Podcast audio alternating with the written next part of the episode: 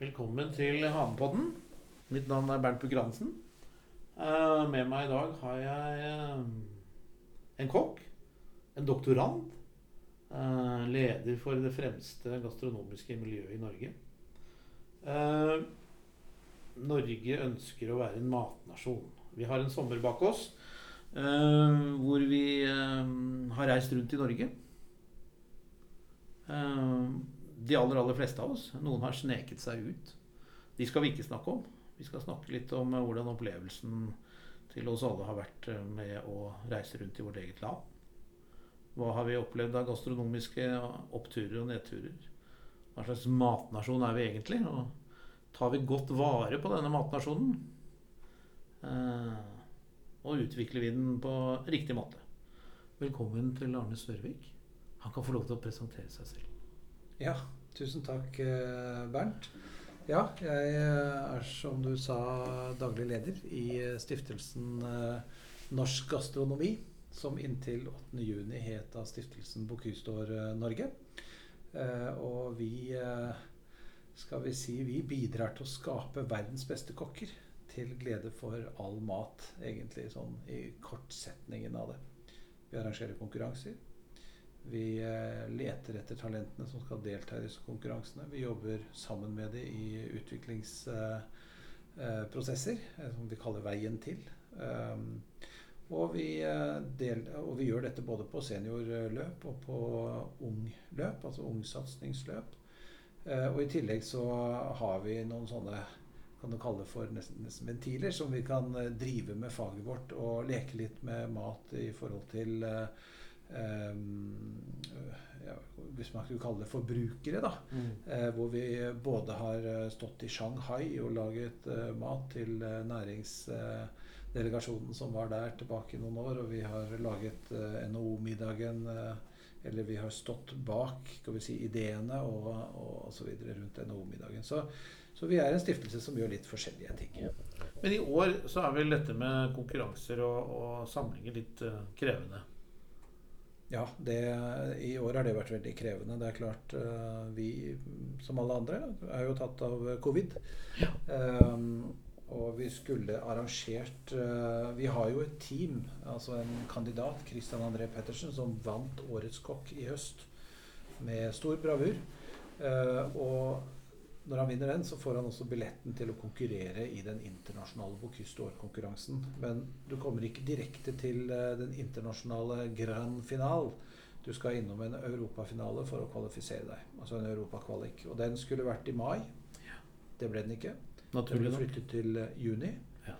Eh, og nå er den flyttet til midten av oktober.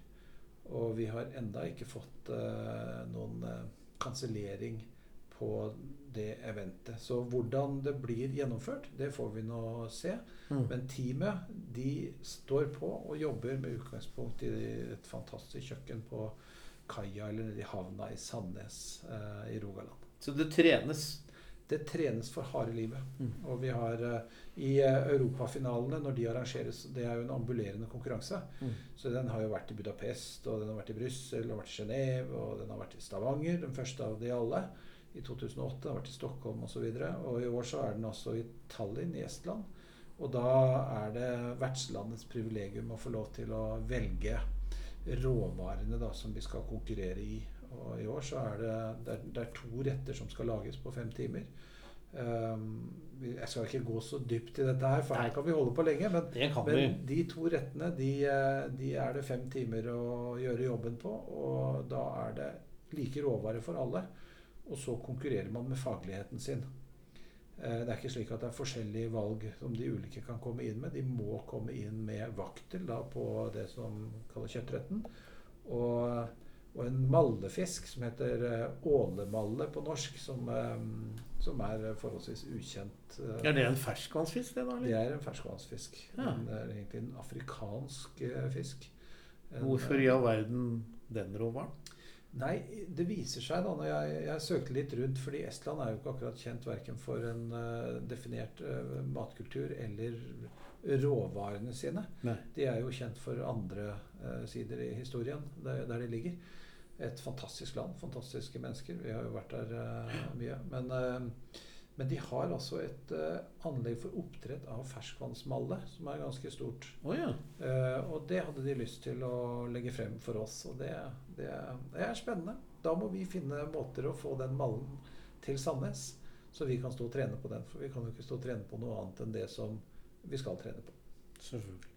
Men uh, som sagt Gastronomi, matopplevelser, matkultur. sommeren har brakt med seg en eh, debatt ja. um, rundt nettopp dette. Det var en herværende journalist i Dagens Reiseliv som satte seg i bilen med en fotograf og dro på tur. Og skrev forskjellige ting om sine opplevelser oppover Gudbrandsdalen og over på Vestlandet. Um, litt sånn, i hvert fall for undertegnede, som jobber jo med, med, med gårder, serveringssteder i hele landet. Eh, litt overrasket over at eh, man hang seg opp i det kritiske. Det var faktisk eh, mye positivt Torgeir Eggen skrev. Jeg husker han nevnte Arne Brimis gamle arbeidsplass, Fossheim, som et fantastisk sted å oppleve norsk mat og norsk matkultur. Det skrev kritikerne ingenting om. Men jeg, det er kanskje litt sånn det er. Ja, det er kanskje sånn det er. Jeg vet ikke. Jeg syns også man skrek veldig høyt og hardt opp om det. Ja, og litt og, mange ble kanskje litt krenka? Ja, og vi er jo i en, eh, skal vi si, en situasjon i verdenshistorien hvor vi blir veldig, veldig lett krenket for det meste. Ja, Så det kan ha noe sammenheng med det. Men det er klart, uh, uh, han peker jo på noen såre punkter. Ja, definitivt. Og, som har vært pekt på lenge. Men, men han frir seg ikke fra å peke på, på ting som er bra heller. Så så jeg har, litt, eh, jeg har nok en litt annen respons på, den, eh, på det leserinnlegget enn, enn det som jeg har sett i sosiale medier. Ja, jeg er ikke lettkrenka, jeg heller. Så jeg er heller opptatt av hva kan vi eh, så får, så får man leve med hans litt arrogante stil, litt urbane måte å herje med folk på. Det får han ta med seg. Men han er jo peker på noen utfordringer som ligger der. Og, og i år så har vi reist mye rundt. Vi kommer sikkert til å reise mye rundt ellers òg, håper jeg. Og man blir inspirert. Så, så, hva gjør vi liksom med å Naturen er der. Den er vakker. Ekstremt vakker. Flere gode vertskap. Men hvis du da er på et sted og du setter deg ned og sa Og det gjorde jo jeg i sommer. Jeg skal ikke nevne stedene, det er ikke noe ålreit sånn, i denne sammenheng. Det tar jeg heller på Thomasson. Så var på en måte den matopplevelsen jeg fikk, den, den ødela. Den ødela for utsikten. Den ødela for følelsen av hva slags soverom jeg hadde, hva slags vertskap de var. Eh, det var liksom Ja, du skal bare få noe, så at du blir mett. Hva gjør vi med det? Ja, det, er jo, det er jo veldig trist å høre det, eh, men vi er nok flere som har eh, opplevd det. For det første vil jeg si at altså covid-19, koronasituasjonen som vi har, den er jo umåtelig trist. Og den begrenser oss osv. Men det har jo vært åpent.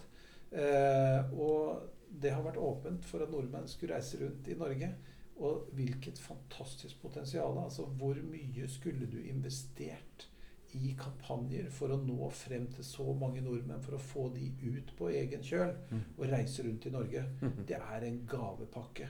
Og jeg tenkte når vi drev altså Jeg følger jo med i noe reiselivsforum osv. Og, så videre, og jeg så jo diskusjonen rundt nå må vi passe på at vi ikke priser oss for lavt. og Det var det mye av diskusjonen gikk på. tenkte jeg uh, Det er fint, men det er jo en fantastisk kampanje som vi er i ferd med å gå inn i i forhold til å vise hva det norske produktet er for nordmenn. Og det tror jeg, uavhengig av uh, Hvis vi, skal vi si, ser på siden av matopplevelsene så jeg si det at eh, Norge er blitt et uh, moderne produkt med veldig mye friluft og natur i for mange flere nordmenn enn det var for bare eh, altså i mai. da.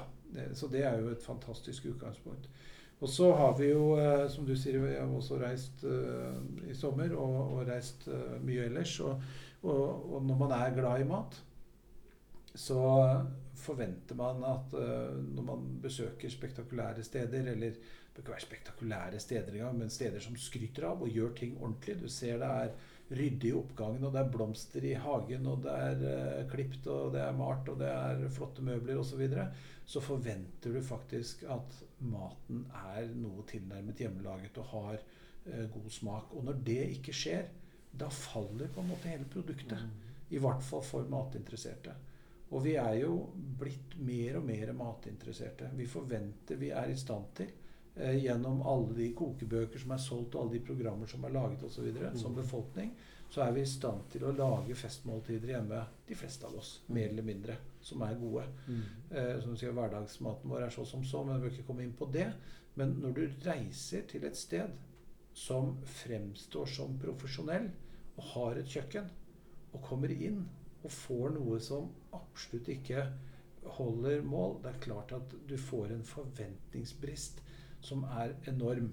Og det var en sånn gullformel i, eh, på Hotellhøgskolen. Og jeg gikk der en gang eh, for eh, ja, mer enn 15 år siden. Ja. Og det var at, ja, du har altså opplevelse over forventning. Mm. Så hvis forventningen din er høy, og den bør i hvert fall være på et visst nivå, og opplevelsen din er litt lavere enn forventningen din, så er hele Så er det negativt. Mm. Da er serviceopplevelsen negativ. Hvis du klarer å holde forventningen litt lav og får en sånn opplevelse, så overlever du. Men jeg tror vel at eh, forventningen i den eh, kurven der blant nordmenn er ganske høy. Um, og da kan man fort falle utenfor. Men, men, eh, men la oss nå for all del ikke bare snakke om de som eh, ikke fungerer. Vi må også snakke om de. Men eh, det har jo skjedd noe. Det har skjedd veldig veldig mye, og mange har tatt opp i seg, tror jeg, rundt omkring, at eh, både det si, matmessige eller gastronomiske nivået på det de serverer sine gjester, har bedret seg. Men også, særlig for oss da, som i, i hatsammenheng, også at det, terroiret, for å snakke litt eh, vanskelig kanskje, men der hvor de, måte, de ligger, at de også selger der de bor.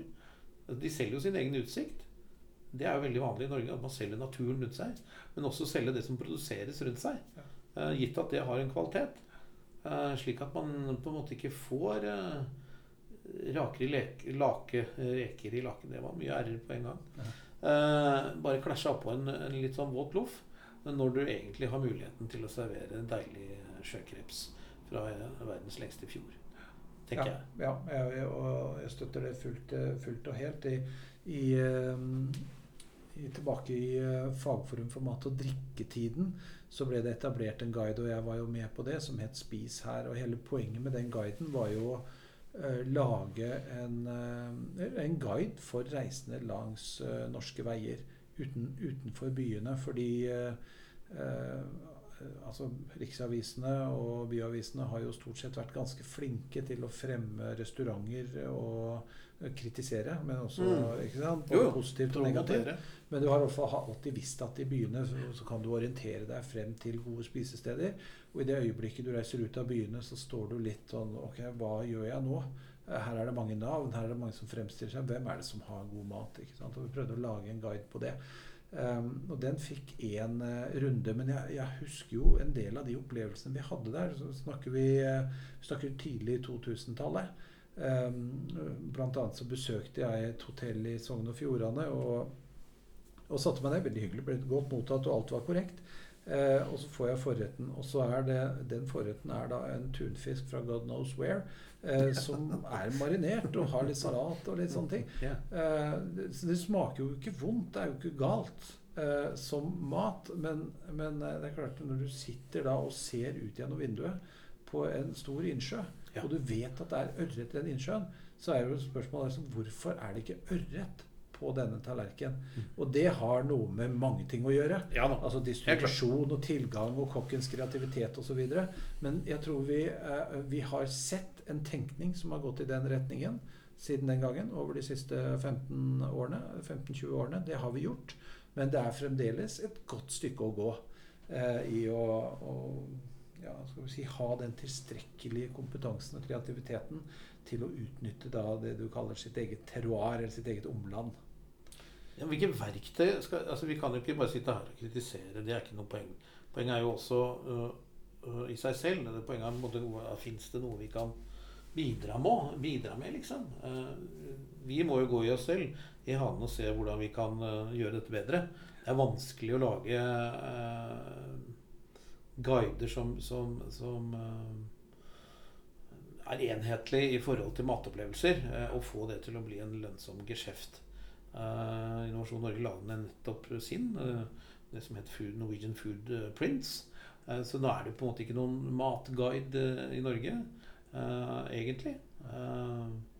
Det fins noen ansatser. Du har en white White Guide. Ja, Ja, Nordic White Guide. Nordic White Guide. Men det er på en måte på, på et litt annet nivå, kan man si. Og når jeg bodde i, England, så reiste vi jo rundt med Michelin-guiden. Eh, og det høres kanskje rart ut, for folk tror at det er liksom noen fine byrestauranter og punktum. Men nei, den guiden var rundt i hele, Ja. Ja. i hele Storbritannia. Ja. så hva gjør vi der? Hva gjør vi for å liksom hjelpe forbruker? Men hva gjør vi også for å hjelpe de som på en måte driver steder da, rundt omkring i det ganske land? Jeg tenker at, at eh, det som har forandret seg veldig mye de siste 15 årene men Tilbake igjen da til Mm. den eh, guiden som ble laget i starten av, eh, av 2000. eh, fordi det var et behov for det. Men det er jo sosiale medier har skjedd siden den gangen. Sånn at eh, vi er jo i stand til å få inn informasjon og inspirasjon på et helt annet nivå enn det, enn det vi kunne eh, tenke oss. Og når jeg ser på min feed, så, så, så er det jo jeg er så heldig å ha veldig mange positive mennesker, som, eh, i hvert fall som, som jeg ser eh, dukker opp der. Og de har reist rundt i Norge, og de har opplevd eh, flotte matopplevelser på Skjolden hotell og på Gloppen og på rundt omkring i Ja, for det fins jo mange. Det gjør jo det. det er det de gjør. Det er viktig å få fram. Og, ja, og når du ser litt nærmere på det de tilbyr, så er det jo nettopp omlandet sitt og naturen sin, og de har en dyktig kokk som står eh, bak, og de har en gjennomtenkt meny osv. Så. Eh, så jeg, hvis jeg skal orientere meg eh, ute i Norge, så, så vil jeg, selvfølgelig bruke det jeg får inn i min feed, og ta vare på det som er verdt å ta vare på når jeg ser det er spennende. Lagrer det. Og så har jeg jo da, fordi jeg ser hvem det er som er mye ute og reiser osv., så, så har jeg jo alltid noen å spørre.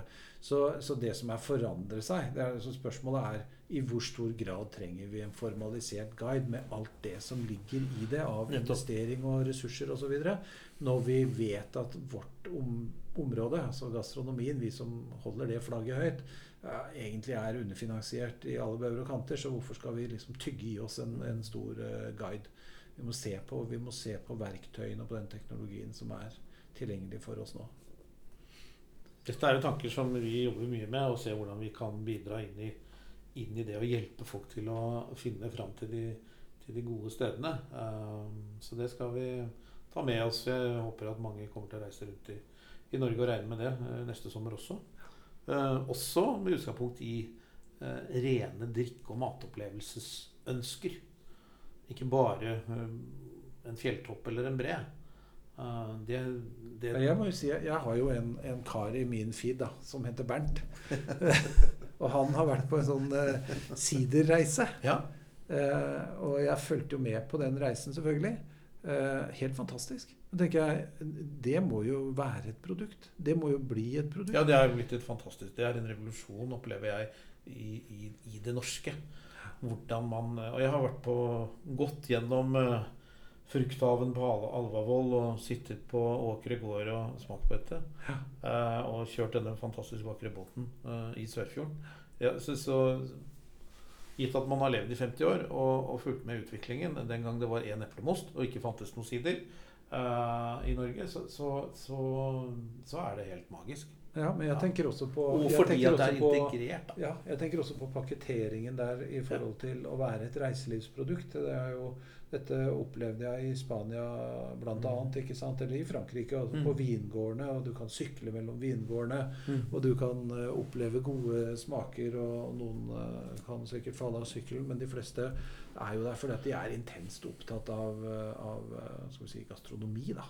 Som jo sider og drikkekultur vil være en del av. Ja. Så, så jeg har jo et håp om at nå står vi jo foran en, en covid- og koronasituasjon, sannsynligvis også når vi går inn i neste sommer og Mm. vår. Og at man bruker tiden godt til å skape innovasjoner og finne samarbeid som gjør det enklere for reisende å få lov til å oppleve alt det unike de som er litt sånn insidere, får Mm. eh, oppleve. Det er, uh, det er altså den produktutviklingen, den, uh, den må skje.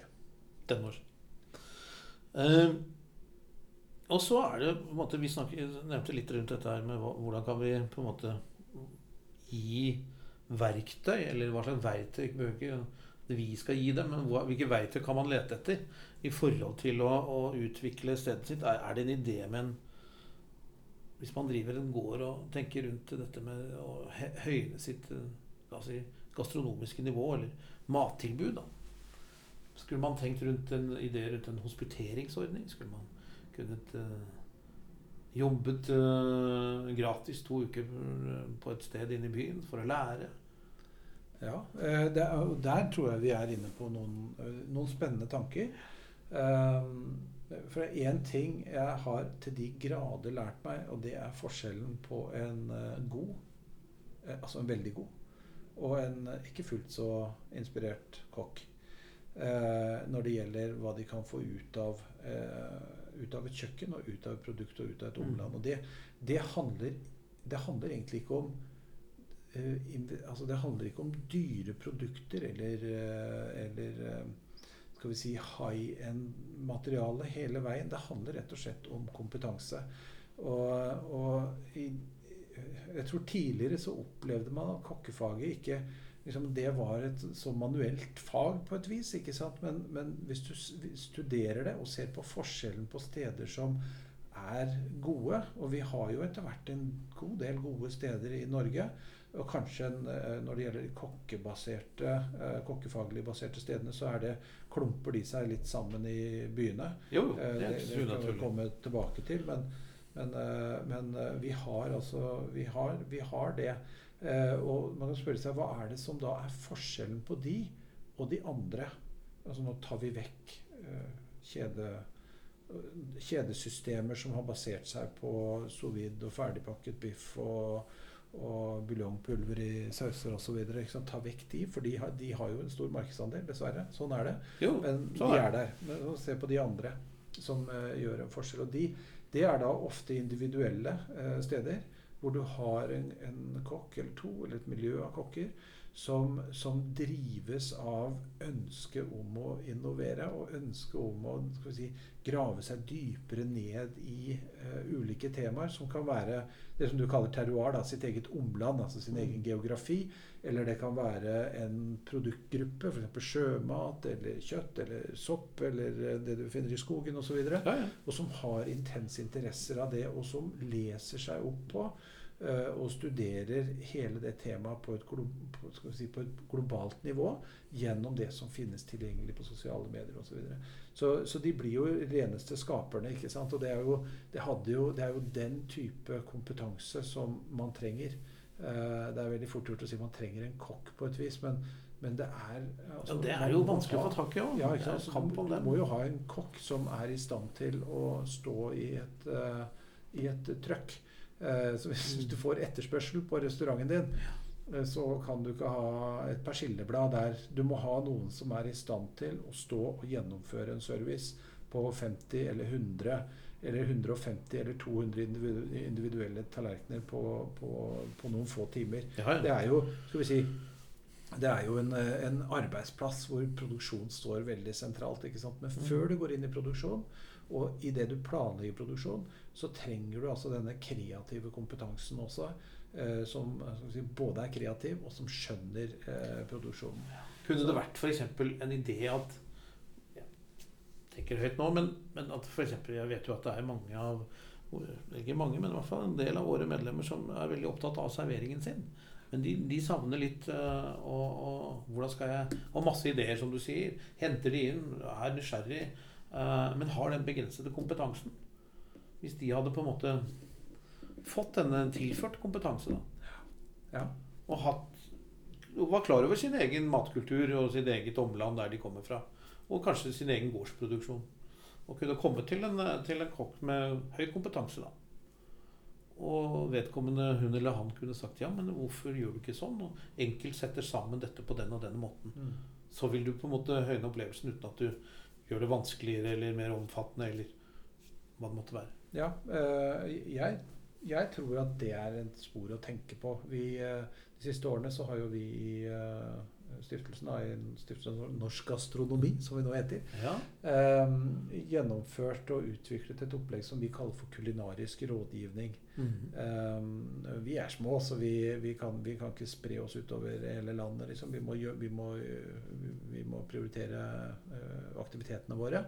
Men eh, kulinarisk rådgivning går jo ganske enkelt ut på at vi snakker med vedkommende som skal ha et arrangement, eller som skal ha en meny, og stiller spørsmål med hva er da poenget med Altså hvorfor treffes mennesker her? Eh, hva er det de møtes for? Mm. Eh, og i disse f.eks. NHO-middagen, det blir jo stort, men det, altså, det, der er det jo alltid et eller annet tema. Altså verdien av arbeid, eller internasjonal handel, eller eh, eh, bærekraft, som det var eh, i fjor. Altså Mm. Du sier at dette er tema som vi skal ha i år. Du sier ok, eh, hvis det er tema, så prøver vi også å omforme det da, Mm. til en historie som nærmer seg maten, og så koble på eh, kreative, praktiske kokker. Altså i den grad Både kreative og praktiske, det er ikke så mange av dem, ikke sant? Men også uh, utvikle en meny som reflekterer det, og som er med å fortelle historien. Da tenker jeg, da, da bruker du uh, vi, kaller det så, vi kaller dette for mat som forteller. Uh, da bruker du maten ikke bare som et redskap for at man skal si mm, det var god mat her, men som et redskap for å si ja, men der er det sånn og sånn og sånn. Mm. For på en reise så er det få ting som er så konkret og så tilstedeværende for alle flere ganger om dagen enn maten. Definitivt. Og så avgjørende. Og for en fantastisk ressurs den maten er når maten blir til eh, skal vi kalle det for et kjøretøy for å formidle ideer og verdier og historie osv. Jeg sitter litt med følelsen av at vi bør eh, snakke litt etterpå om vi skal eh, slå våre hoder sammen og tilby noen få en sånn opplevelse. Og så må vi få med oss noen som kan være med å delfinansiere dette. Jeg har en følelse av det. altså. Ja, Vi kan kanskje bare sitter her på podkasten og driver produktutvikling. Jeg tror litt sånn det. Det kan vi ta etterpå. Ja. Eh, Denne matnasjonen vår som eh, det snakkes om eh, både fra våres del, men også fra det offentliges del. Hvor det offentlige er jo på en måte en veldig mye premissleverandør på veldig, veldig mye. Blant annet på et evinnelig, eh, den evinnelige utfordring for oss som driver med mat og servering og, restauranter i Norge. Det er jo disse kokkene. Og tilgangen på dem. Det er Ja. det det dreier seg om. Ja. Og senest i går så var det en, eh, et innslag atter en gang. Det er for få av dem. Det er for dårlig søkning. Eh, hva gjør vi? Eh, Jeg vet at dette er et langt tema, vi skal ikke snakke veldig. Men jeg er litt opptatt av, særlig nå Dette går jo på at det har reist eh, mye nordmenn rundt. Eh, Og det er fylkeskommunene som har ansvar for kokkeutdannelsene. Og rundt omkring på Vestlandet, på Helgeland og i Lofoten er det jo fylkeskommunen som har ansvar. Og de syns jo det er fantastisk gøy nå å gå ut fylkesordfører og gå ut og skryter og se nå alle de som har kommet til oss. Og så går det ikke mange ukene, og så setter de seg ned i et fylkesutvalg for utdanning. Og så stryker de den linja som den viktigste kommunikasjonslinjen for, for det området de er av. Ja, nei, eh, nei, eh, som du sier, dette er et stort lerret å bleike, og jeg, jeg, eh, jeg syns at Jeg hører du sukker. Ja, ja fordi at mye av debatten, og sånn debatten går eh, Jeg har jo vært ute av denne bransjen. altså Jeg har jo kokkefagbrev, og så har jeg vært ute av denne bransjen og jobbet internasjonalt og osv.